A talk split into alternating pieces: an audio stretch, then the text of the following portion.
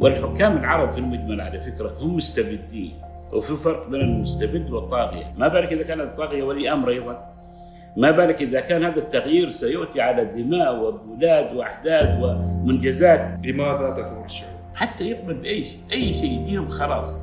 كل ما في بالي أنا أريد الخدمات اللي كانت في 1914 كهرباء وماء وبحل. شوف إلى وين وصلوا. وأي دولة ما فيها دولة عميقة. في مهب الربيع جاء لكسر المؤسسات الحرجه المتبقية في الوطن العربي المتمثلة في الجيوش والمخابرات. انتبه لأنه اسمها نهاية المطاف إيش؟ جهاز أمن الدولة. انتبه مش الحكومة. تسمى هذه جهاز أمن الدولة. إذا الحكومة طيف من أطياف الدولة. فاهم؟ والحكام طيف من أطياف الدولة. هل هذه القنوات هي تتعمد إظهار هذا الجانب لأجندات الدولة التابعة لها؟ 84% يعتقدون أن امتلاك إيران لقنبلة نووية ضرورة للأمن العربي. لما جاتهم مأساة محنه الجيش المصري فيه دائما يستنجدوا فيه. مؤسسة عميقة جدا ودولة ظل بكل المقاييس. لك موقف آه، نوعا ما حاد تجاه الإخوان المسلمين؟ أنت الآن لما تجي يا جماعة الإخوان وتشتغل لي على جمال عبد الناصر كزعيم وطني هم يفتكرون هذا الشيء يخدمهم هم بالعكس يسيء لهم ليه؟ دخلوا 28 يناير بكل ثقه على اعتبار إنهم الإخوان أكبر يعني حركة سياسية في الوطن العربي. يعني الرجل اللي كان بالله عليك يحكم وكانت اوقاف أوقاف المساجد يا محمد حانات خمور حافظوا على الفئات والشرائح لكل الحكومات العربية التي تطالب بالتغيير بألسنتها وأفكارها.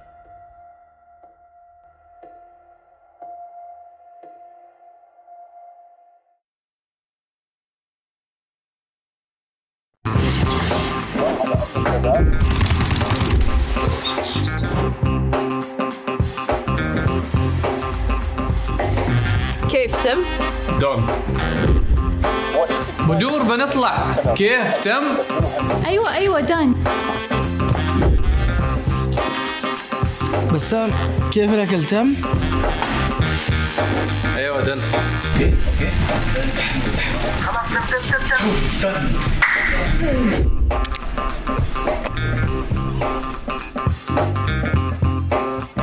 كيف جاهزين للتحدي؟ دن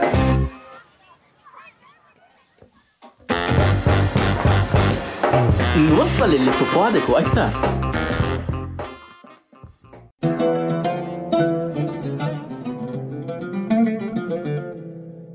السلام عليكم حلقة جديدة من بودكاست جلسه كرك التقيكم أنا محمد العنائي في سلسلة جديدة مع شخصية استثنائية واللي هو الأستاذ علي المعشري أهلا وسهلا. حياكم الله.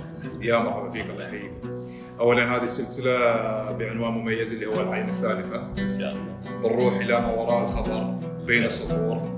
بنشوف المواضيع من زوايا مختلفة جدا. نعم. بإذن الله. آه السلسلة بتكون رمضانية عدة حلقات. المجال مفتوح طبعا. الأستاذ علي طبعا هو كاتب صحفي ومحلل سياسي وخبير في الشؤون الإقليمية. طبعا في كثير مواضيع ممكن نتكلم عنها في وقت تحضير الحلقات تقول ما شاء الله من وين نبدأ نعم. من وين ننتهي. فبتكون آه، ما بين مواضيع سياسية واجتماعية بحيث إن هي تهم المشاهد ما فقط المحلي حتى المشاهد العربي. فهذا الجزء أو هذه الحلقة بتكون عن الثورات العربية والثورات المضاده أنا كنت في فترة طويلة من فترات البرنامج أتجنب طرح هذا الموضوع لأنه نوعا ما حسيته مستهلك لكن بعد مدة أو بعد مرور عقد على الثورات تحديدا الربيع العربي عشر سنوات الناس بدأت تطرح الموضوع من أول وجديد تعمل له تحليلات لكن للآن ما حد حط مثل ما يقول ال spotlight على المفاهيم وعملنا لها تحليل. فبنتكلم عن المفاهيم الثورات الثورات المضاده هل فشلت؟ هل نجحت؟ هل هي مشروع؟ هل هي مؤامرة مثلا؟ فبنبدأ بسؤال معه آه، اللي هو لماذا تثور الشعوب؟ شكرا أخي محمد وأنا سعيد بتواجدي في جلسة كرك رغم إني ما شفت شيء كرك لحد الآن. أنت ذكرتني بنكتة عراقية زمان في واحد مسوي مطعم كاتب آه، آه، نبيع سندويشات دجاج فجاء له واحد وكذا قال انطيني سندويشتي. جايب له فيه جبن. زين. قال له أخوي أنا طالب دجاج قال من بيع دجاج؟ قال كاتب هنا البي- سندويشات دجاج وكذا. قال اسمعني حبيبي. قال ماكو سيجارة. في سيجارة قديمة عليها سنور قطو. أيوه. أيوه فالعراقيين يسموه بزون قال ماكو سيجارة أبو بزون قال أيوه قال تفتحها تلاقي بزون داخل. قال إحنا مثل. كاتبين دجاج ونبيع جبن نفس الحالة. يمكن إحنا نفس الشيء بعد. لا لا أنتم بعدين. أنتم بعدين بتجيبون الكرم. إن شاء الله. شوف لماذا تثور الشعوب يا محمد؟ هذا يعني سؤال طويل ومفتوح وكذا. يعني الناس نتيجة المظالم والحقوق وإذا كان هناك أيضا يعني إخلال ما في إدارة الدولة. زين دائما. لابد أن تكون هناك يعني ثورات سواء كانت يعني إقليمية مناطقية أو حتى فردية. أحيانا في ناس مصلحين في ناس عندهم رؤى خاصة. لماذا؟ لأنه مفهوم الدولة انه الدولة يا محمد تقوم على الإنسان والجغرافيا والمؤسسات. متمثلة في الحكومة. طيب قبل قيام الدولة كنت أنا علي مسعود المعشري ومحمد الهناي والاخوان الموجودين زين كنت أنا أقتطع عن نفسي الأرض. كيف؟ زين كنت أنا أدافع عن نفسي. زين كنت أنا عندي أعراف معينة تسيرني والناس عبارة عن أقوام و- طيب قامت الدولة. سلمت كل هذه الصلاحيات الفطرية إلى المؤسسات صارت هي تعطيني الأرض وهي تعطيني الراتب وهي تعطيني الصحة والتعليم وهي الأمان وهي اللي تحمل السلاح أنا ما يسمح لي وهي تدافع عني وهي تحفظ كرامتي وهكذا. إذا صار إخلال بهذا طيب الناس طبيعي إحنا كنا أفضل أول أيام البدائية بين قوسين. زين. فعادة لما يشعر الناس إنه هذا الإخلال حصل زين يثورون بشكل أو بآخر، هناك من يؤمن بالإصلاح الشفهي هناك من يؤمن بالإصلاح العنفي. فهمتني؟ ويعني كثير هي متعددة مسألة المطالبات والإصلاح. آه، فأنت يجب أنه كحكومة ألا تدفع الناس أو تستصفي منهم اسوء ما فيهم من طباع، لأنه الإنسان عنده سقف معين وبعدين يبدأ ينقلب سلبيا انتبه. الإنسان بطبيعته إيجابي إذا كان مناخ إيجابي. لكن يمكن توصله في مراحل معينة تستصف منه اسوء ما فيه. مثل إنسان اللي يحاصرك لا أنت قصدك كذا وأنت كذا يعني أنت ترغيب تبغيني اشبهك أجاوب على الشيء اللي يرضيك مثلا ولا لا أنا اعرفك كذا كذا. لا أنت اللي تتكلم عنه هو الصورة النمطية السلبية عني أنا مش أنا. أنت تتكلم عن شخصية ثانية. ولو إنك تتكلم باسمي أو ما شابه ذلك وكذا. فهنا مثل ما تقول يحصل عبر التاريخ مسألة إيش؟ يعني المطالبة في الإصلاح أو التغيير على فكرة وحتى كلمة التغيير ممكن تتكلم عنها بأنه التغيير سلبي على فكرة لأنه الايه اللي تقول أنا محفوظه بالضبط ما كان الله مغير ما بقوم حتى يغيروا ما بأنفسهم دائما التغيير في اللغة يا محمد نحو الأسود. فهمت؟ إيه لذلك الشيبان كانوا يعني عميقين في فهم هذا. من الصبح تلقى مسكين بعد ما يصلي الفجر على الباب كذا جالس الله لا يغير علينا. لأن يعرف التغيير دائما للناس اللي ترفس النعمة اللي تقطر بالنعمه الله لا يغير عليه لما تشوف أنت أفلام من الناس بعد 20 30 سنة أقول لك محمد شفت سالم ولا سعيد؟ اي والله بس يا ابو حسين تغير. تلقائيا افهم ان التغيير نحو الاسود تغير عليه بالرغم زين. لا هو ممكن يكون تغير الأفضل لا التغيير نحو الاسود لو شفت نحو الأفضل بتقول ما شاء الله مو اللي عارفه فهمت كيف؟ بالعكس في كذا وكذا ولكن ال- ال- الأصل اللي فيه بقى مثل ما هو. هنا خسرت الأصل اللي كان اللي كنت تعرفه فيه. فهمت؟ لذلك التغيير دائما حتى في اللغة تطعم شيء يا محمد تقول طعمه متغير تلقائيا في فساد.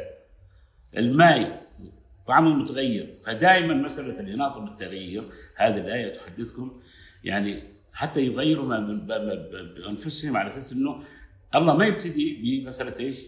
عقاب الإنسان إلا إذا هو بدأ بعقاب نفسه بشكل أو بآخر. مفهوم الثورة بالنفس يعني دائما لما شخص يسمع عن ثورة يجي على بالنا أو حتى نحن يتبادر للذهن انه شيء مرتبط بالعنف. بالخراب برغم إن ممكن الثورة تكون نحو الإصلاح. يعني بشكل متعمد تم غرس يعني تم غرس هذه الفكرة السلبية في اللاوعي للشعوب. أم إن هي شوف الثورة الثورة أيا كانت الثورة في مسماها أو أهدافها أو في حراكها يا محمد لابد أن تحدث تغيير في الهندسة الاجتماعية للمجتمع لابد أن تحدث هذا لابد أن يكون لها من ضمن أعراضها ونتائجها النهائية أن تحدث تغييرا ما. ومن ضمن هذا التغيير قد تحدث إخلال في النسيج الاجتماعي مش شرط يكون حميد قد تحدث إخلال. بمعنى إحنا الآن نشوف مثلا ماذا حصل في العراق وماذا حصل في ليبيا. أتت بالهامشيين إلى السطح. هذا إخلال بالهندسة السياسية والاجتماعية الموروث اللي اعتادوا عليه هذا البلدين. قال لك مو مشكلة لو جاوا ناس على قدر من الوعي ومعروفين وكذا آمنا. جابت الميكانيكي وجابت قاطع طرق وجابت الإنسان خريج سجون وش المقصود من هذا؟ إخلال ال- الأمريكان لما يعني دخلوا هذه البلدين بالذات زين وكانوا يخططون لبلدان أخرى. يريدون العبث وإجهاد المجتمع حتى يقبل بأي شيء. حتى يقبل بأي شيء. أي شيء يجيهم خلاص. كل ما في بالي أنا أريد الخدمات اللي كانت في 1914 كهرباء وماء. وبحل شوف إلى وين وصلوه. بينما أنت كنت قاطع شوط ممكن واصل. العراق كانت على اعتاب ما يسمى بالعالم الثاني. يعني كانت صنو للهند وجنوب أفريقيا والبرازيل في التصنيف. ودولة هي والجزائر مثاليه ما بين المساحة والثروات وعدد السكان. انتبه هذا مهم جدا. انه يكون في تكيف ما بين المساحة والثروات الطبيعية وعدد السكان. وبعدين يجيك الموارد البشرية. وين واصلين؟ فالآن يجهدون هذا البلدين حتى يقبلوا بأي شيء. شفت لما إحنا عندنا في رعاة الإبل؟ إذا ذبحوا ابن الناقة اللي توه مولود زين يعذبونها عذاب حتى تقبل بأي جحود ثاني لا اسمنا ناسي إحنا عندنا في شو اسمه في الجبالي حاجة يقول لك فولتن هيس في الجبالي. زين صعب الناقة تقبل بس نتيجه هذاك العذاب تقبل فيك. إحنا البقر عندنا نفس الشيء. إذا ذبح عجل نتيجه جوع أو بيع أو شيء من القبيل نتيجه حاجة. أسهل من الإبل. مش يسوون له يجيبون له من جلد ابنها. زين أتذكروا على شكل قوس كذا ويحطون هذاك الجلد. ما تدر حليب إلا لما تشمه وتنحسن تدر حليب انه ريحة ولدها. زين. فهم الآن الأمريكان ما عاد جابوا لنا جلد. جابوا جابوا لنا جيل. زين. ما متعودين عليه على سبيل المثال. ويريدون إقرار إنه هذه ثورات وهذا واقعكم وهذا مستقبلكم. لذلك أنا دائما وأقول دائما وابدا حافظوا على الفئات والشرائح لكل الحكومات العربية التي تطالب بالتغيير بألسنتها وأفكارها. لأنه مهما بلغت هذه الناس في تصنيفكم بانهم مشاغبين أو محرضين أو كذا وكذا لن يصلوا إلى مرحلة التحريض العملي الذي مثلا تعمله الحكومة وبعض المسؤولين في الحكومات. انتبه.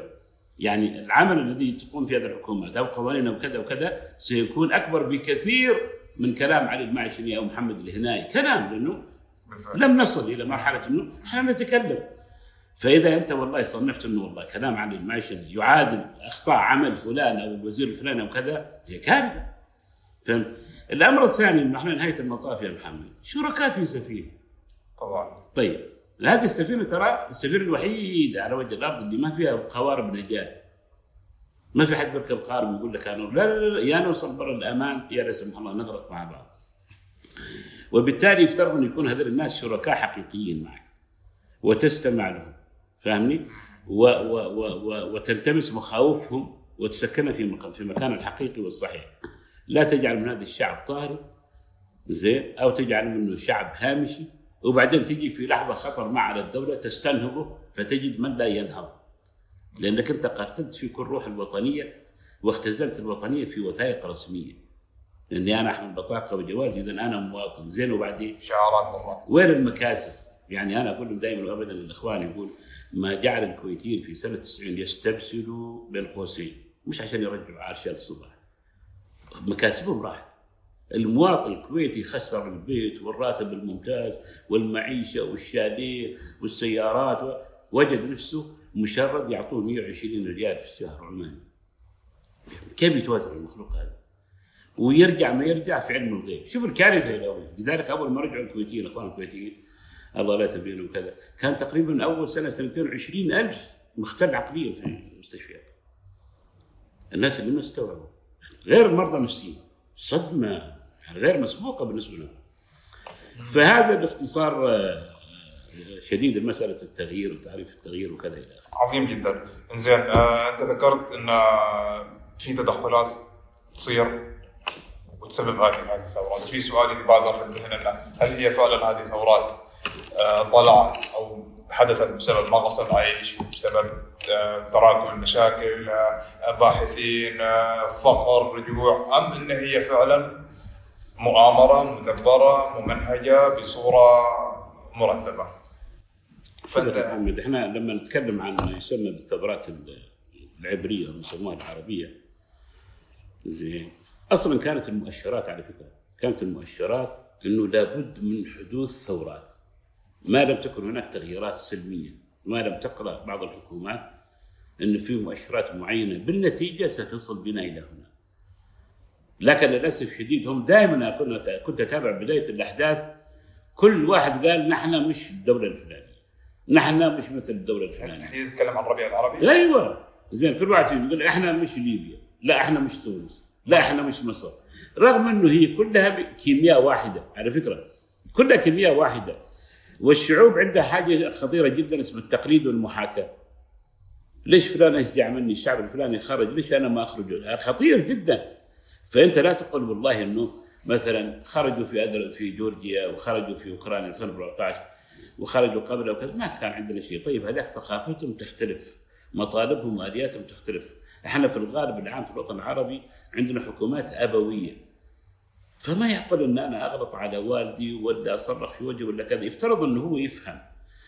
والحكام العرب في المجمل على فكرة هم مستبدين وفي فرق بين المستبد والطاغية. المستبد هو الأب العربي بتركيبته. ما يقبل أي نقاش لكن يسعى لصالح الأسرة ومن يعيد. هذا لا خلاف عليه لكن على طريقته. ابغيك تدرس كذا تتزوج بنت فلان ببني لكم كذا هو بيدفع ما عنده إشكال. لكن على طريقته ما يترك مجال يعني إنك أنت تشاركوا في الرأي وما شابه ذلك. اذا هذا يسمى استبداد. طبعاً. استبداد بالرأي. فهمت؟ لكن مسألة لما تقول طاغية هذيك حالة ثانية هذه الالقاب المسميات اللي سمعناها بعدين. الله سبحانه وتعالى يا محمد إيش قال؟ لسيدنا موسى وهارون؟ يقول اذهبا إلى فرعون إنه طغى. هذا مش رأي حكم. وفوق هذا يا ربي طغى زين وبعدين وقول له قولا لينا. انتبه لعله يتذكر أو يخشى كيف يا ربي هذا طاغية وقال أنا ربكم الاعلى وفوق هذا يقول له قولا لينا. لأنه مو شغلك أنت. أنت بشير ونذير. الحكم لي في يوم قيامة وفي عقاب لي أنا. زين. فلماذا الله سبحانه وتعالى هذا الأدب القرآني يقول لك حتى الطاغية المحكوم عليه بأنه طاغي؟ قول له قولا لينا. ما بالك إذا كان الطاغية ولي أمر أيضا؟ ما بالك إذا كان هذا التغيير سيؤتي على دماء واولاد وأحداث ومنجزات؟ حسابات أنت حسبت التفاصيل يقول لك لا. المهم الآن في ليبيا بعد ما خربوها وجلسوا على تلتها لما تكلم واحد وش عملتوا الآن؟ يقول لك المهم الطاغية مات الله أكبر. طيب وين وش الإنجاز اللي حققته؟ وش الانجاز اللي يعني أعطيني إمارة. كل ثورة عادة تحمل مشروع. جيب لي من التغييرات اللي حصلت في الوطن العربي إنه هذا اللي جاوا عندهم مشروع. حتى الأخوان المسلمين اللي كانوا مطية للأمريكان وكتبت عنهم هيلاري وكونداليزا رايس انهم مطيتنا فأسقطوا نظم. انتبه كانت تعتبر حليف لهم مثل حسني مبارك النظام المصري. وصاحب الجلال الله يرحمه عتب على الامريكان على درجه حليفكم يعني من بيصدق تحالفاتكم مستقبلا؟ إذا ضحيتوا بشخص بحجم حسني مبارك لزوميات التغيير حتى لا يظهر بأن هم قاصدين مجموعة ما تسمى بجبهة الصمود والتصدي. هم عينهم أساسا على ليبيا وسوريا بعد تدمير العراق. لماذا؟ زين واليمن كذلك نفس الشيء. هذه الدول كانت تشكل في يوم من الأيام جبهة الصمود والتصدي اللي كان بديفيد وعقدت اجتماع في 77 وثم 79 عزلت مصر بعد اتفاقية كامب ديفيد شوف فهم كل دولة من هذه الدول نالها نصيب من الدمار. طيب تقول لي تونس لا تونس ومصر تونس ومصر للإجهاز على ليبيا لاحقا. وهذا الكلام منه جديد يعني. هذا قاله معمر القذافي في 94 قال يجيكم نهار يحتل فيكم الناتو 94 والأحداث 2011 قال لكن في وقت ما يكونش في لا حسني مبارك ولا زين العابدين. قال لك أنا بأي عين رأى هذه الأحداث؟ بالتر... يعني مسألة تراتبية. الأحداث في السياسة يا محمد تأخذ دور الرياضيات في مراحل معينة. خلاص تقول طالما كذا قياس العليم سنصل إلى كذا. لا محالة. فعلا حسابات رياضية. ما تقول لي والله نظريات ولا باصر ولا ما يحتاج. بالتداعي ستصل إلى كذا زين استاذي بخصوص المؤشرات ذكرت إن المؤشرات كانت واضحة من مدة. إذا افترضنا أن الثورات قامت في ديسمبر 2010 لما العزيزي حرق نفسه بعدين ثارت الشعوب متى تقريبا الناس بدأت تحلل المؤشرات؟ 2007 8 6 لا شوف في مؤشر خطير أخطر من هذا كله. الأمريكان يا محمد عملوا استبيانات. في 2008 شوف ألف شوف ملحمة تموز ما بين ما يسمى بإسرائيل وحزب الله 2006 غيرت قواعد اللعبة بالكامل في المنطقة. لم تكن الصهيونية العالمية ولا إسرائيل ولا أمريكا زين تدرك في يوم من الأيام بأنه سيأتي من داخل هذا الجسد النايم قوة وعلى شكل فصيل وتخلق حاجة اسمها موازنة الرعب. فهمت؟ هذه النقلة خلتهم يخططون ويعيدون الأوراق من جديد. في هذيك الفترة يا محمد أيضا جاء بعدها رئيس اسمه أحمد نجاد يعتبر هذا الرجل رافض قوي للمقاومة. يعتبروه متطرف في تصنيفه. نجاد هو من شباب الثورة. وأعتقد من الشباب اللي اقتحموا السفارة الأمريكية واسروا الدبلوماسيين كان شاب صغير نجاد زين. فالخطورة وين جاءت؟ الخطورة 2008 وبعدين يمكن 2010 في معهد خطير جدا اسمه معهد جيمس زوغبي هذا لبناني أمريكي. وين موجود؟ في واشنطن. هذا يقوم باستبيانات تعتبر قراءات تحليلية. فعمل استبيانات في ستة أقطار عربية حليفة وثيقة لأمريكا. هنا الكارثة. مجموعة أسئلة طرحها. زين. فوجد أشياء إجابات صاعقة. تصور. 84% يعتقدون أن امتلاك إيران لقنبلة نووية ضرورة للأمن العربي انتبه. 85% يعتقدون بأن إسرائيل هي العدو التاريخي. هذا حلفاء أمريكا انتبه. زين 83% يعتقدون أن أمريكا هي عدو للعرب وليست صديقة لهم. زين. وبعدين تقريبا آه، استبيان في مصر. زين من هو من هو الشخصية اللي أحب إليك؟ تصور الأول. حسن نصر الله في مصر. الثاني بشار الأسد. الثالث محمود أحمد النجاد. الخامس حسني مبارك. هذا الناس تقرأ التحليلات هذه والاستبيانات صح. إذا لو تأخرنا سنزول. لا إذا تأخرنا بناء على هذه التراتبية وفي بلدان نعتبرها حليفة سيزول وجودنا. زين كانت في مؤشرات إنه راح تكون في ثورات وطنية. انتبه. خلاص الأمور في تصاعد الوعي في تزايد الحاجات والمؤشرات وما شابه ذلك. وإذا قامت في مصر على سبيل المثال بالتداعي ستقوم مثل الدومينو في كثير من الأقطار. هكذا هكذا. زين. في مصر الكل كان يتحدث عن لماذا هذا السبات؟ لماذا لماذا وصلت مصر إلى هنا؟ وأنا من ضمن الشعب المصري يعني شيء خطير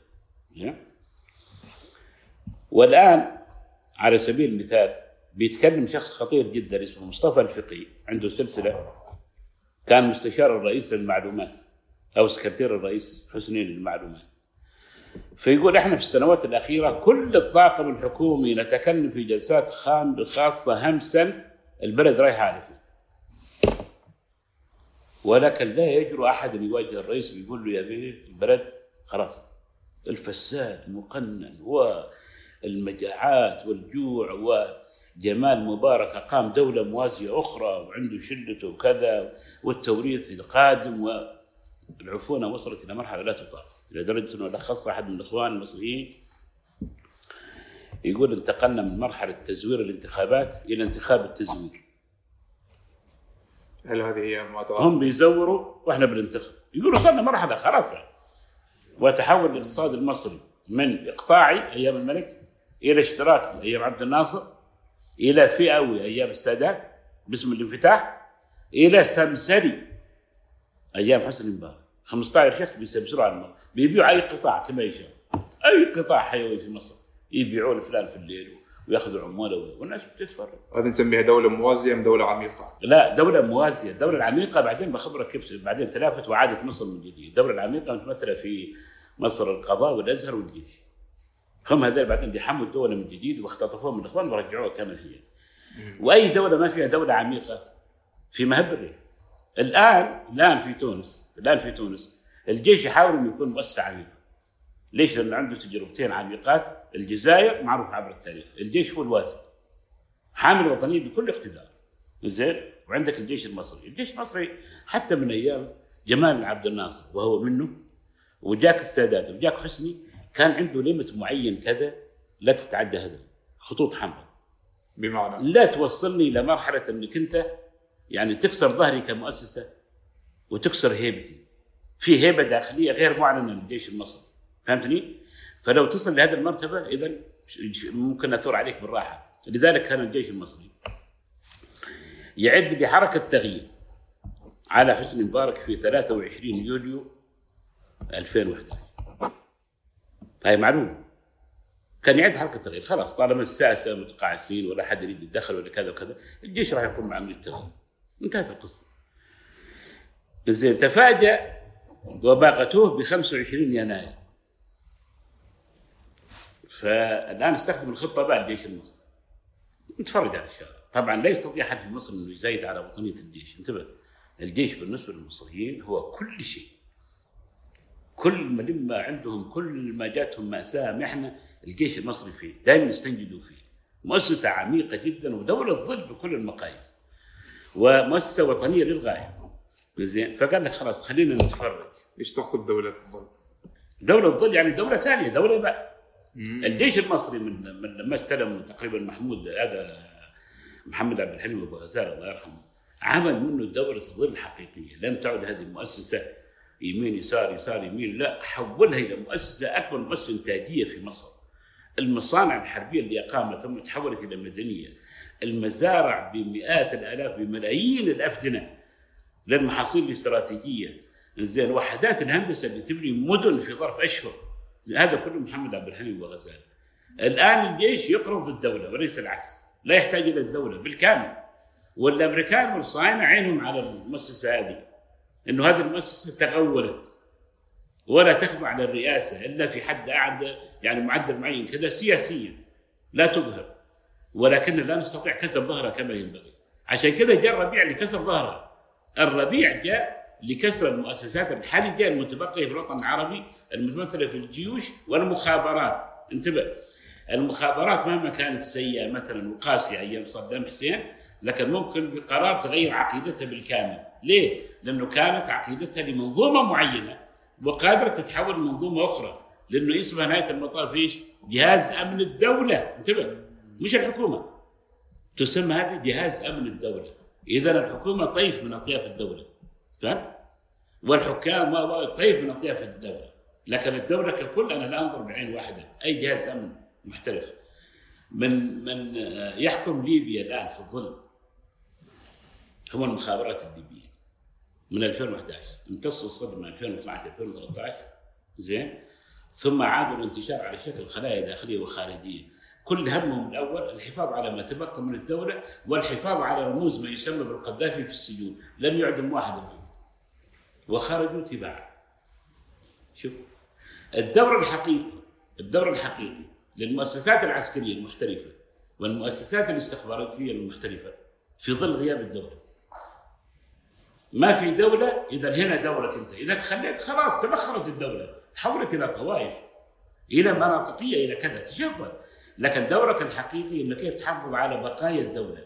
الجيش والداخلية في تونس حموا الدولة ثلاث سنوات من الانهيار صو- أبقوا عليه هيكل الدولة قايم. والجماعة بيتناطروا السنة الرابعة ينهكوه فقالوا اعملوا دستور واستفتاء وحد يجي يستلم منا إحنا خلاص أرهقنا.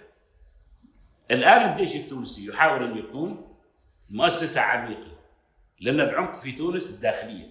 هذه فلسفة الحبيب بورقيبة انه الجيش إذا قويته يسوي انقلابات وهذا موضة في العام الثالث. لا أنا أخلي الداخلية أقوى من الجيش. لذلك إذا تمرد الجيش تقمع الداخلية. نظرية سواها عكسية. الآن الجيش يقول لك لا أنا دوري انه يكون أقوى من الداخلية. زين وإني أنا أكون الوازن في مؤسسات الدولة. طيب تفرجوا الجماعة اللي حصل. فتفاجئوا انه بداية المعلومات أصلا ثورة وطنية. الناس ضجت وخرجت اللي نريده عملوا الناس في الشارع. خلاص إحنا نبقى الخطه بقى نحتفظ فيها. فبقوا مراقبين. 25 26 27 وين الأخوان؟ مش موجودين. ليش؟ راحوا له. ثورة شعبية بميدان التحرير وكذا قالوا لا. إحنا لن ندخل إلا بشروط. وهذا الكلام مش كلامي أنا على فكرة. هذا اعترافات الآن منطقه بصوره من قيادات إخوانية ومن قيادات سياسية في مصر. قالوا ندخل بشروط. وعلى راسهم مرسي على فكرة. قال إحنا نطلع مع شوية عيال. هذه شوية عيال يعني. كل الطيف السياسي في الشارع قال لا دول شوية عيال. ملايين كلها أيوه. طيب. إحنا ندخل بالشروط وش الشروط يا مرسي ويا عاكف والموجودين؟ الشروط اولا لا مساس بالرئيس حسني ممنوع. لأنه هو له فضل عليهم. حسني أنه هو اللي أعطاهم الخيط والمخيط بتاع سمح لهم بالمشاركة السياسية وكذا. تمام. ثانيا تنحية وزير الداخلية حبيب العدل. زين تمام. ثالثا إعادة انتخابات البرلمان مجلس الشعب المزور. قال لهم صح هذا عندكم حق. حبيب العدلي يعني يمكن يكون رجل يعني عنده منظومة عنيفة شوي وكذا. ولا مساس بالرئيس. يعني هذا فيها إن مش مشكلة. تمام. طيب دخلوا 28 يناير الإخوان. بكل ثقة لهم. على اعتبار أنه هم الإخوان أكبر يعني حركة سياسية في الوطن العربي. على فكرة تنظيما وحشدا وحضورا كله معروف عن هذا الشيء. زين يتفاجئوا الناس بعدين كلنا تابعنا إنه طيب من له مصلحة بحرق السجون والمختبرات وفتح السجون ومراكز الأحزاب. طلعوا في النهايه أخوان. آه. اذا هذه أجندة. شوف هم اكتشفوا قاموا بحركتين برعاية الأمريكان 2004 و2008 فقمعوا. تمام. اكتشفوا هم ومن يقف وراهم إن الدوره العميقه في مصر هي حبيب العدل وزير الداخليه اللي هم ما يريدوا إيه. إذا ما شلنا هذا الرجل لن تكون هناك أي تغيير حقيقي. طيب شلوا حبيب العدل انهارت الدولة. فرطت مثل ما سمعت. طيب أنتم الآن عندكم مطالب سياسية. وكانت المطالب في ميدان التحرير وأنا أقول دائما الأخوان قارنوا ما بين حركات المتظاهرين في مصر على أنها وطنية وسلمية. في البدايات أنا أتكلم وكيف كان المواطنين يحملون اي 4 عليه علم مصر. وعلم تونس. بينما في المغرب في ليبيا وفي سوريا علم الانتداب وباجات بالآلاف في ليبيا. كيف جوك؟ باجات معدنية حاملين على صدورهم في سوق الحوت في بنغازي. من وين جوها؟ نزلت من السماء؟ قلت لهم عشان تعرفوا إنه هذه في سوريا وليبيا مؤامرة لا غبار عليها. من الأمريكان؟ على طول الأمريكان والعملاء اللي في الداخل. لأن هذول النظامين هم بقايا جبهه الصمود والتصدي العراق اسقط خلاص. فيجب القضاء عليه تمام. زين بينما في تونس سموها ثورة الياسمين، على فكرة الأخوان التونس يزعلون يقول لك مش ياسمين يبغون تكون عنفية، يقول لك قلت لهم لا خليها ياسمين. مش قصة، المهم حدث التغيير. زين لذلك ما عندهم مانع. ما حتى العراق لما احتل الأمريكان لم يجروا على تغيير علم العراق. بقى كما هو أيام البعث الله أكبر. منجبتين والسلام عليكم. لكن ليش خليت السوريين يرفعون علم الانتداب الفرنسي؟ كارثه يعني على الأقل هذه الرمزيات المفروض إنك تحترمها. ليش الغيت علم معمر القذافي الأخضر اللون الأخضر من الجنة ورجعت العلم الملكي السنوسي اللي كان تحت الانتداب الإيطالي و و وإلى آخره. اذا المسألة فيها رغبة في التغيير الجذري اقتلاع بدون نظام بالكامل. هذه الرسائل الموجوده فهمت؟ لذلك يجوك يقول لك والله لولا البوعزيزي البوعزيزي يا محمد شاب متسكع سكردي متعاطي مخدرات ضرب الشرطي اعتدى على الشرطي والشرطي صفعه. لا هي دافعت عن نفسها دفاته وكذا عملوا له كالفيلم إنه صفعوا وإنه مظلوم. يعني هذا كله مفبرك. كله كلام مفبرك. أنا واحد من الإخوان يقول لي لو تريد رقم الشرطية تسكن في صفاقس أظن في المستير أعطيك رقمها. اسمها فلانة وأظن عليها خيطين أو ثلاثة وكذا وكذا. كلها الرواية المدعومة عملوا من هذا الرجل ايقونه وأنا أقول للتوانسة ما كان المفروض تجعلوا أيقونة خمرجي ومحشش. هذه معلومة صادمة. صادمة جدا. زين وذاك لما احترق أساسا هو كان منتهي. يريدون حاجة يكون كذا وعملوه والبوعزيزي والبوعزيزي مفجر الثورات العربية. وهو مسكين. هو مسكين رجل لا يمتلك لا فكر ولا شاب متسكع يعني من على هامش المجتمع ولا عنده أي أجندة. ويبيع في عربة مع عربة وكذا وعنده سوابق بالهبل. فبالتالي مسألة إنه ينتحر ما ينتحر يحترق أو يحرق أو ما حد يعرف مثل القصة. بس وعملوا منها هو الليلة. لما جاء بعدين شوف زين العابدين بن علي. والخطاب الثالث قال لهم فهمتكم؟ وقال لهم راح نخصص 350 ألف وظيفة ونرفع ال- الرقابة على الإنترنت وقانون دستور ودستور جديد. وانتخابات تتعهد إني أنا ما كنت طرف فيها وكذا وكذا إلى آخره. نص الأحداث تقريبا وأكثر كما علمتم الاخوان توانسة حدث. يقول لكن اللي شغلني يا أستاذ علي من اللي جالس بيقتل بيقتل المتظاهرين؟ ما عندهم ناس خبر انه في قناصة اللي كانوا في جورجيا وكانوا في أوكرانيا وكانوا كذا تحولوا إلى هنا. وبيقنصوا ناس في أموات يا رجل بتموت في كذا يقول اللي عمل السيناريو لا يريد التوقف رغم إنه إحنا استوعبنا إنه إلى كذا وكفاية. يعني من خرج آه، زين العابدين ألقى ثلاث خطب إيه الخطاب الأخير اللي قال فيه فهمتكم؟ في ناس عقلاء قالوا يا أخوان شوفوا الرجل هذا وأنا كتبت في مقال اللحظة التاريخية التي اهدرها التونسيون لحظة تاريخية في فاصلة. أهدرها وقلت لهم ول- ولادها والأمر يا أخوان إنه أنتم أبناء مدرسة الحبيب بورقيبه خذ وطالب. لا تاخذ كل شيء مرة واحدة. الرجل لما قال لكم بسوي وإعلام جديد وقانون جديد وإنترنت جديد ودستور جديد وكذا هو في أوهن حالاته ما عاد عنده شيء خلاص. و350 ألف وظيفة كان الأستاذ علي عندنا حالتين اللي ما فهمناهم. من وين بيجيب 350 ألف وظيفة؟ هم ما عندهم خبر إنه الخويلد الحميدي جاء مبعوث من معمر القذافي زيارة سرية وقال له 350 ألف وظيفة على حساب واعمار ثمان مدن الجنوب المهمشة على حساب ليبيا جيبوا لنا لستة. المهم هد طبعا لا يمكن لرئيس دولة أن يقول والله الاخ معمر بيعطيني. مستحيل. وفي ظل هذاك الظرف بالله يثق وهو تحت الوجهه أيضا. زين وزين العابدين على فكرة كان من الضباط الأحرار لما كان ضابط صغير راح لمعمر وقال له أنا ضابط عربي ناصري تحرري مؤمن بأهداف ثورة الفتح وكذا لو تدعمنا. وبقى تحت المجهر لما جاءت اتفاقية آه، جربه الوحدوية في 74 ما بين تونس وليبيا.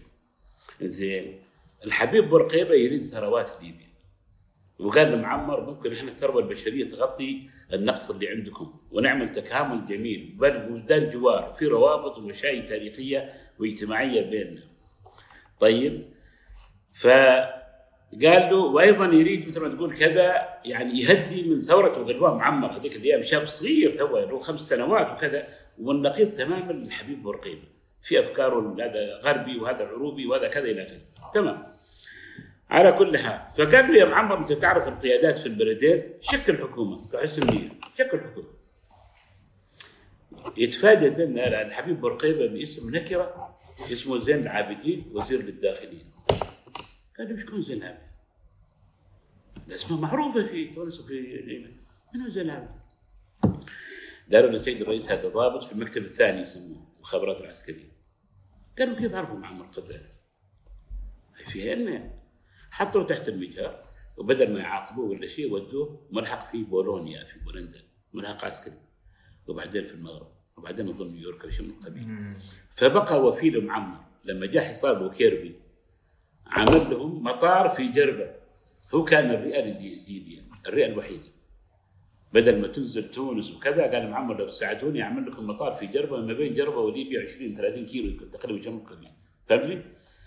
ورغم الت- التهديدات والضغوط وكذا قال لا يعني معقول بلد عربي نخنقه وهذا ناس مرضى وكذا وكذا فصار العالم كل ذيك الأيام عن طريق جربة ليبيا جربة ليبيا. معمر حفظ له هذا الود إنه هذا الرجل على الأقل يعني كان له موقف إيجابي رغم إنه كل الحكام العرب قال يخبروني يقولون أنت مظلوم يا معمر. وقضيه الكربي سياسية وليست جنائيه لكن الأمريكان مسكين. كيف نواجههم؟ يقول كذا سوقتوا أنفسكم أنتم الأمريكان. سوقتوا أنفسكم وما تقدروا تقولوا لا. حتى في يعني مواقف تتعلق بأوطانكم للأسف. فاهم؟ فقلت لك جاءت الأمور على كذا فجاءت الثورات.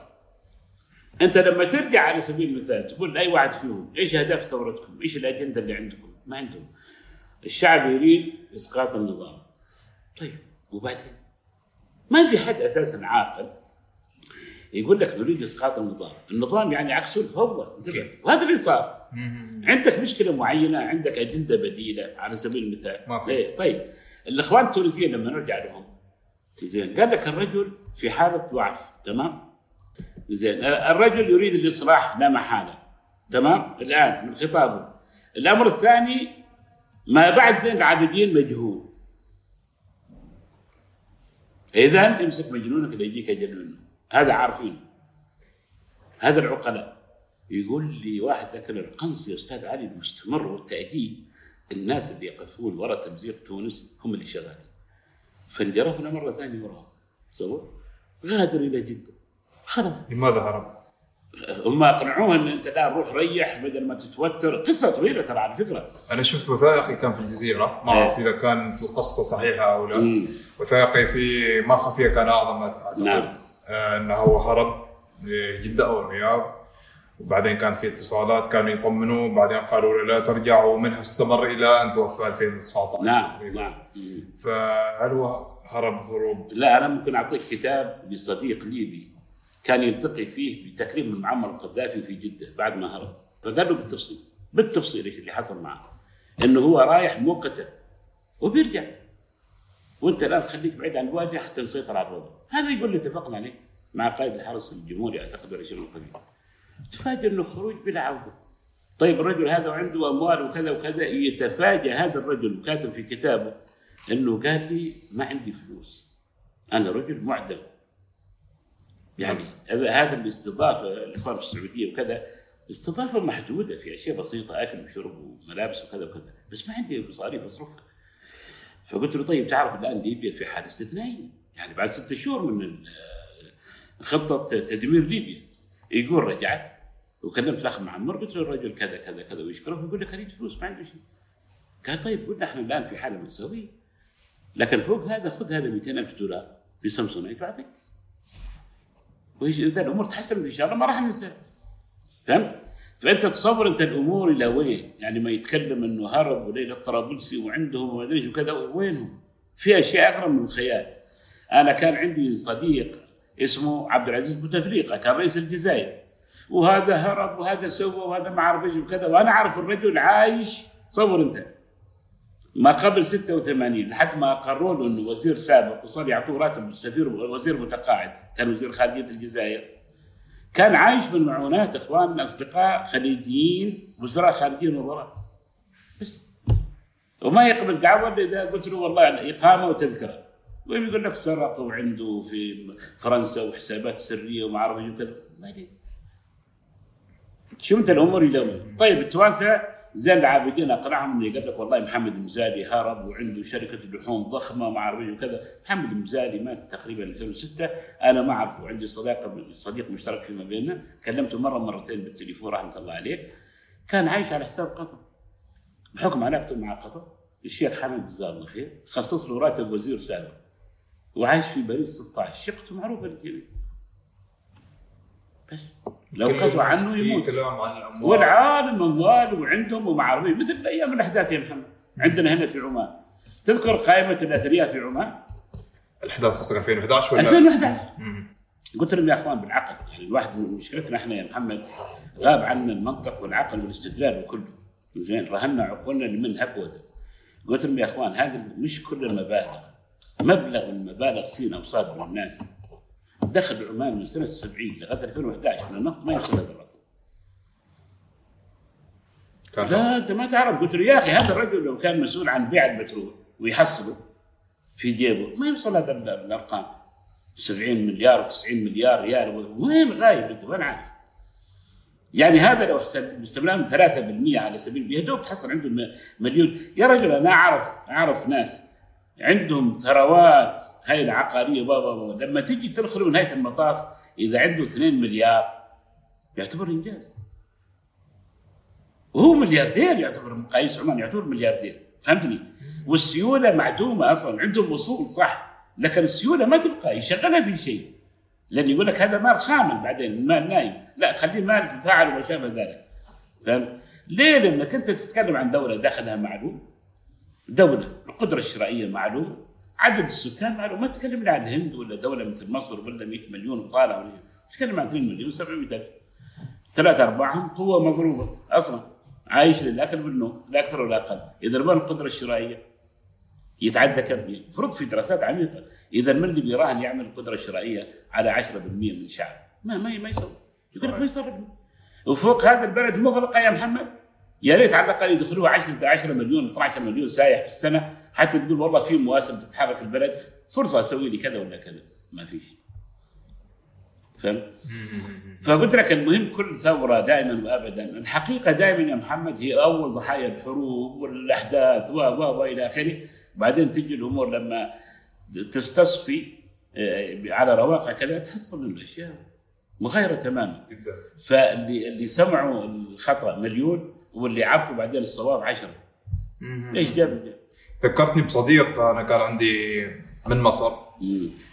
كان يروح الجامعة ويروح السوق ويروح كل شيء لكن لما تشوف وسائل الإعلام تحس إن البلد مدمرة مم. هل هذه القنوات هي تتعمد إظهار هذا الجانب لأجندات الدولة التابعة لها أم إن نقدر نقول ان إدارة القنوات منفصلة عن إدارة الدولة؟ لا لا الإعلام العربي للأسف الشديد في المجمل يتبع الإدارة الأمريكية. امم يعني ممكن تسميه بكل اختصار إعلام أمريكي ناطق بالعربي يعني أنا أقول لهم يا ريت إن يجيني واحد يقول والله يا أستاذ علي إحنا ممكن نستفيد من تدمير سوريا. واحد اثنين ثلاثة أربعة الدولة يصير من الرصاد العربي ولا شيء. طيب بتدمر سوريا وقبل العراق وليبيا ليش؟ مصلحة مين؟ قول لي بس على الأقل جيب لي استنتاج غبي كذا ما يركب. بغيت أكون دولة عظمى بغيت آخذ منهم المواني بغيت جيب لي بس جملة مفيدة ما في. يدمرها ويسلمها لإسرائيل. يدمرها ويسلمها لإسرائيل. وش هذا؟ وين وصلنا؟ فهم؟ يعني العراق لولا الجوار اللي حوله. ما يسقط العراق. سبع دول عربية مسلمة. انتبه. وهم يردون لك على إيران. إيران منعت. حتى عبر الأجواء وهي التي عانت من العراق ثمان سنين عجاف انتبه. يعني هي كان المفروض تتشفى لولا إنه قيادة راكده ما يؤمنون بهذه التصفيات احتل العراق 2003 الأمريكان من باب الإغراء وعلى أساس إنه يسكتوا إيران قالوا لهم طالبوا ب 400 مليار عن ثمان سنوات حرب بنطلعها من البترول العراقي قالوا ولا دولار نبغي رغم إن إحنا في حصار. أخطاء النظام لا نحمل الشعب.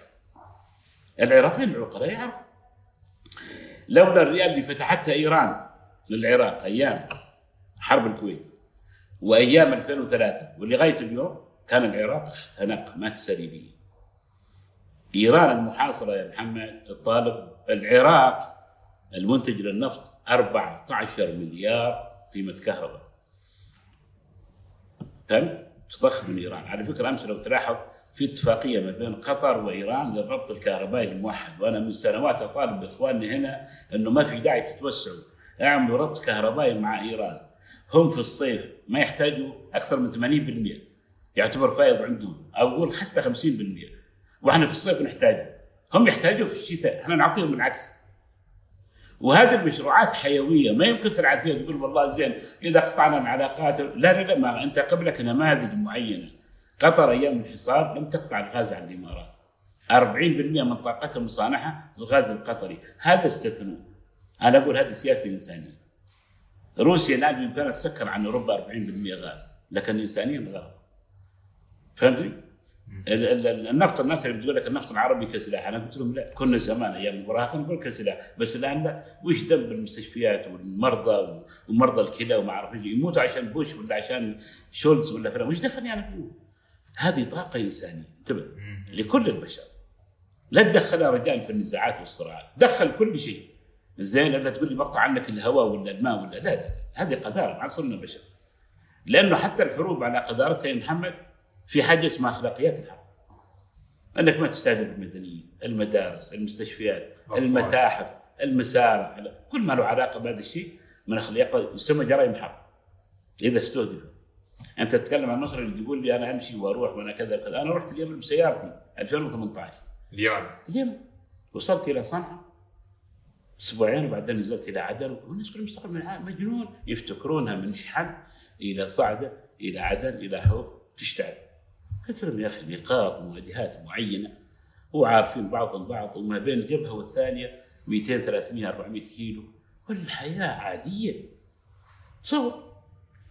حتى الولد اللي كان بيرافقني أخذته من شحن يمني. لما وصلنا مأرب زين يقول لي لو ما كانت فيه مواجهات عسكرية في صرواح نص ساعة نكون في صنعاء. يقول لا عمي مضطرين عشر ساعات نلف البيضة. رداع زمان صنعاء. قلت له خلاص. تصور. اخر مرة كنت قبل ثلاثة شهور في اليمن. زين مسكرة مأرب بالكامل لأنه العمليات مأرب البيضاء في الجنوب. طيب كيف توصل؟ قال إذا بغيت تدخل عدن ومن عدن توصل إلى قعطبه ولحج وما أدري لا لا مشوار. هذا كان اسهل لك. مأرب لأنه مأرب عقدة مواصلات اليمن.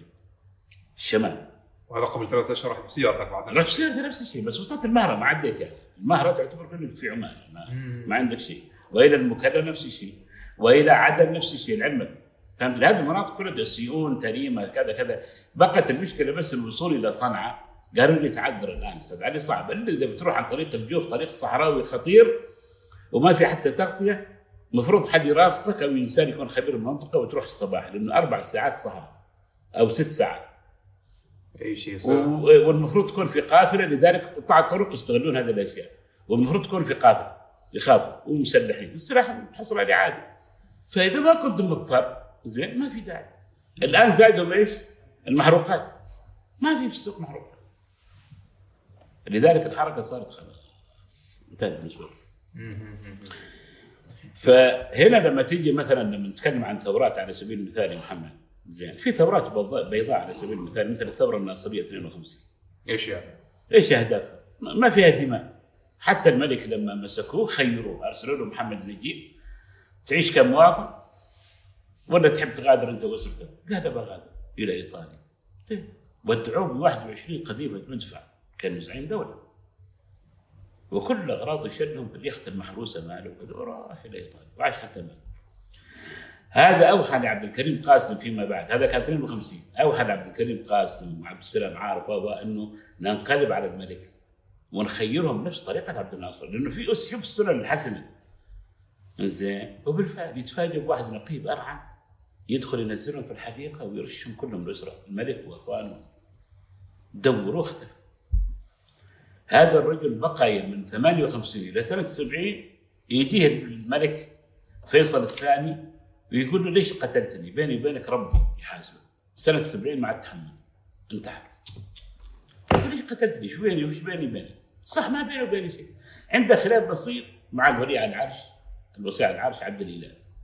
شيء بسيط كذا احتكاك في عمل وشغل القبيلة وإنه جاء في موضوع ولا هذا صغير فيصل الثاني مسكين. تجي. تصفهم في الحديقة وما عدا واحدة اسمها أظن بديعه طاحت فوقها الخدامه افتكرها ماتت خلوها عاشت ماتت قريب وبعدين هربت للسفارة السعودية وكذا. وعلي اللي مات من أسبوعين يمكن. كان يدرس في يمكن مدرسة فيكتوريا في الإسكندرية. صغير. بس هذا اللي بديعه وعلي. فهمت كيف؟ فلما جاء عبد الناصر جاء معاه الأهداف، شوف الأهداف اللي جايبينها.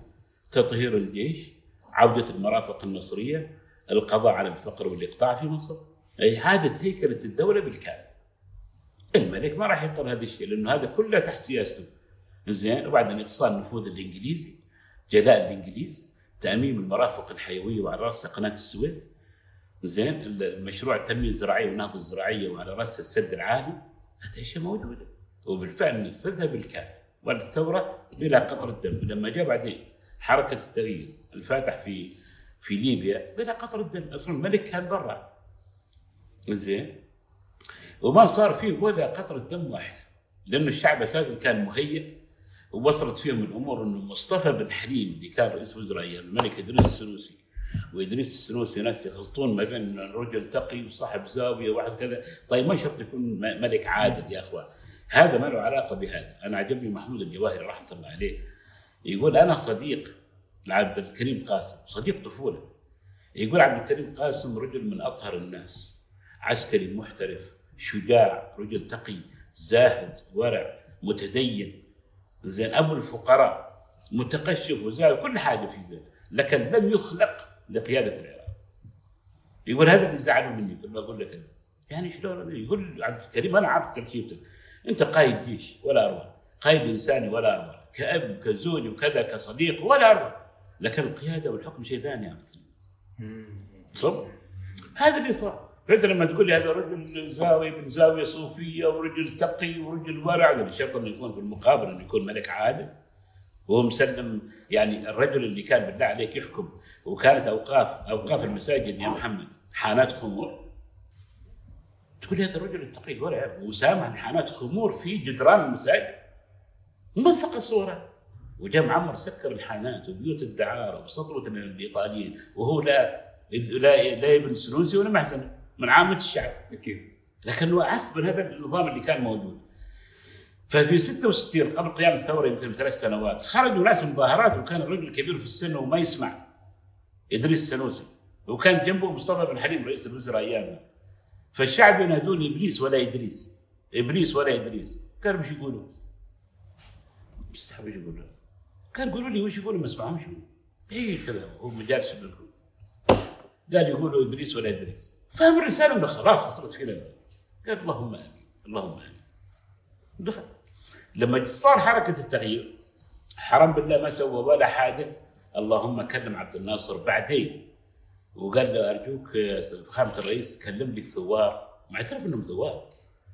زين يسمحوا لي ببنت بالتبني عنده ما عنده أولادهم. عنده واحد ولي عهد ومات. وهنا اهتز الرجل. صار كل ست شهور يغير حكومة يسوي عليه انقلاب. عنده وسواس صار. زين وسعاد سكرتيرتي. قال له معمر إحنا ما عندنا مشكلة معه حتى لو يريد يرجع. إحنا عندنا مشكلة مع المنظومة كاملة. قال لا لا هو الحين في قبرص اليونان شيء كذا. أرسلوا له طيارة خاصة. سكرتيرته وبنته بالتبني. زين يقول بعد فترة كلمني. كلم جمال عبد الناصر ويقول له في مسبحه سيدي مدري من صوفية موجودة في الحسين في في مقام الحسين. يا ريت مسبحه كبيرة يدوروا عليها بالمجموعه كذا إلى آخره. يقول تصور جمال عبد الناصر قال لهم جيبوها موجودة؟ قالوا موجودة؟ ارسلها في طائره خاصة مع وزير الأوقاف المصري. إيش رايك؟ اجلالا ما كمل ثلاث أربع شهور قال عبد الناصر علي يدقي رغم إنه عارف إنه عبد الناصر مرتبط عضويا بمعمر القذافي. قال لا تسمح لي أعيش في مصر. قال له مصر مفتوحة؟ انت فيه مصر آوت الملك سعود اللي كان العدو اللدود لعبد الناصر بين قوسين في حرب اليمن. اللي جاء لها وعاش فيها. الإمام البدر ولي عهد اليمن اللي كان يقود الملكيين ضد الجمهوريين. جلس في مصر فترات طويلة.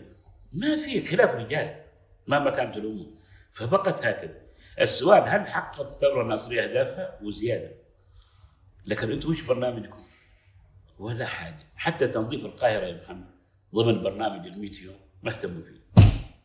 قلت لهم والله ذيك الأيام كان عبد الله عباس؟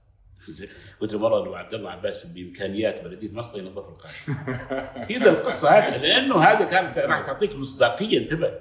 الناس تبغى تشوف يا محمد ما كل شيء نظري وبين الجدر والأقبية وكذا. يا أخي أعطيني حاجة أنا ما أريد أكل شعارات واجتماعات أنت قلت لي تنظيف القاهرة وأنا شفت في 2008 مجرد انه جاء أوباما صارت تلمع القاهرة. لما راح رجعوا الزبالة من جديد. خلوه في حاويات مؤقتة عشان الوفود بتروح وتتحرك وكذا. بعد ما نقل الخطاب ورجع رجعت من جديد. طيب ليش ما تستمر هذه العادة؟ في خط في في أشياء غريبة عجيبة. طيب أنت الآن لما تجي يا جماعة الإخوان وتشتغل لي على جمال عبد الناصر كزعيم وطني هم يفتكرون ان هذا الشيء يخدمهم هم بالعكس يسيء لهم ليه؟ لأنه اولا قبل كل شيء الملكية اللي أنت جالس تمدحها.